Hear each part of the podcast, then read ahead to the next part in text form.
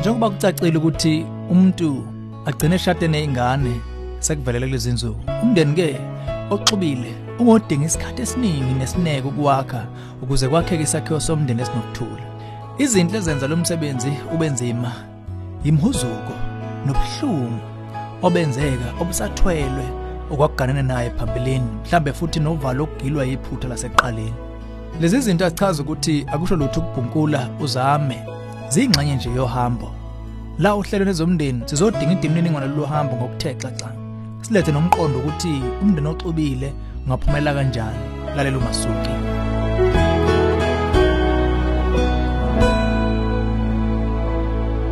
ngithatha ithuba ngubingelele ezomndeni uhlelo ukulethela izeluleko eziphathekayo ngaba ka focus on the family.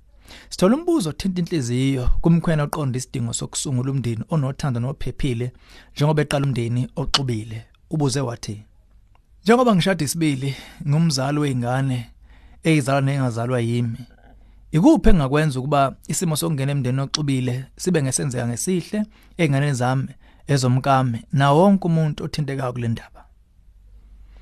Sinokuninganyana ukuphakamisa kuwe. Nokho uma kuhlangene kukhanda ucwezo olulodwa leseluleko. Bekezela umsebenzi wokwakha umndeni ohlangene uyinselelo futhi nohlukile. Ngisho yimene ejwayelekile kuthatha isikhathi eside impela. Nansi imicabango engasho ukuthi kusengachazana lokho nokuthi imniningwane ngathini ngokuphathekayo. Okokuqala kusemqoko kuba nempokophelo ephathekayo. Ungalindele ukuba nakho konke lisukulunye kunalokho gcina amaxhama okuxhumana evulekile bese udinga idifiso namaphupho akho ndawonye nomndeni. Ngethemba lokuba wonke umuntu uzozelulula kokucabangayo ukuhlanganisa imindeni emibili kuyenzeka kodwa akuzenzakaleli futhi kungephoqwe. Kumele kuvele uhambeni loqobo nokho oluthuthwa kancane kancane ubudlala lobuthembekile komnye nomunye. Kumele futhi uvumele isikhathi esanele kulila ngokwenzeka. Umshado omusha uhlala ugcwele amathemba amasha kodwa dabeni lakho intokozo ithuliswe inkumbulo kophume kukho.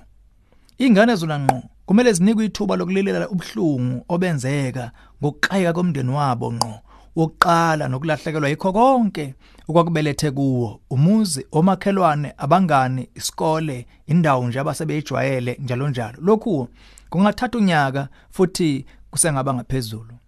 Ngesikhathi usangena kusena lezi indaba ezibucayi deda kumizwa yakho enhliziyo abazali ababuka kakhulu ngokwemizwa yabo kuyenzeka beqe imizwa yomuntu ngamunye.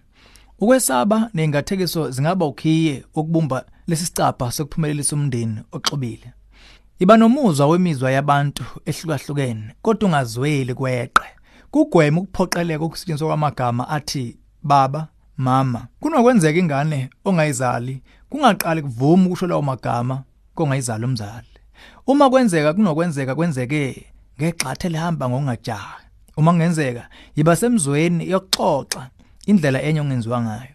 Kukho konke okwenzayo iba nezinga lekhethe lokunika uthando lonke lomndeni wakho oxubile. Lokho kuchaza ukuthi ube nesikhathi ninobabili nowakwakho nakho ubunye beni ngokobudlelwane nokwenza ukusondelana okuseduze ngokomshado kube seqhulwini khona lapho uma nobabili nifike nezingane kulomshado qinisekisani ziphi isikhathi esithe xaxa leze nizalana nobabili ukuze zingazizwa zibekwe eceleni seyinomuzwa ngalezi ezimzali munye Uma uzama ukuzuza uthando lweingane zakho eyisengama teenager, ungazama ukuzenza ngcono kuzo. Kukho konke iba nguwena uqobo bese usungula inkundla yokuhloniphana la khona wonke umuntu angabelana ngemizwa yakhe ngokukhuleka nokuthembeka. Okugcina, kuqonde ukufaka amava akho ukuqala kwakho umlando enuqopha ndawonye. Enye yento yenza umndeni uzizwe ngumndeni zinkumbulo la khona wonke umuntu ezikhumbula ngokufanayo. Ngakho ke qala ke manje wakho umuzwa ukuthi thina sisonke kulamalunga lomndeni wakho onke dlalani ndawonye nivakashe ndawonye nibe nesiko lokuvakasha elimile nje. Nethathe izithombe nindawonye ungazama ukucima isithombe somndeni wokuqala kodwa kunalokho sebenza kanzima ukwakha isithombe esisha nindawonye uma usenemibuzo eminye kumbe uma uthanda ukudingida lolu daba ngokuthe xaxa nesebenzi somnyango wethu wezokweluleka sicela ushayele ku 031 716 3300 kumbe uthi jeqe ku safamily.co.za bese uthi cofo ku counseling league. Abaluleki bethu bangakuxhumanisa nomeluleki osebenza eduze kwala ukhona ukhumbule ukuba nempokophelo eziphathekayo futhi ube nesineke. Ungenza kuphumeleleke ngalomndeni. Lolu hlelo ezomndeni ulethulelwe yi-focus on the family. Sihlangabezwa ohlelweni oluzayo.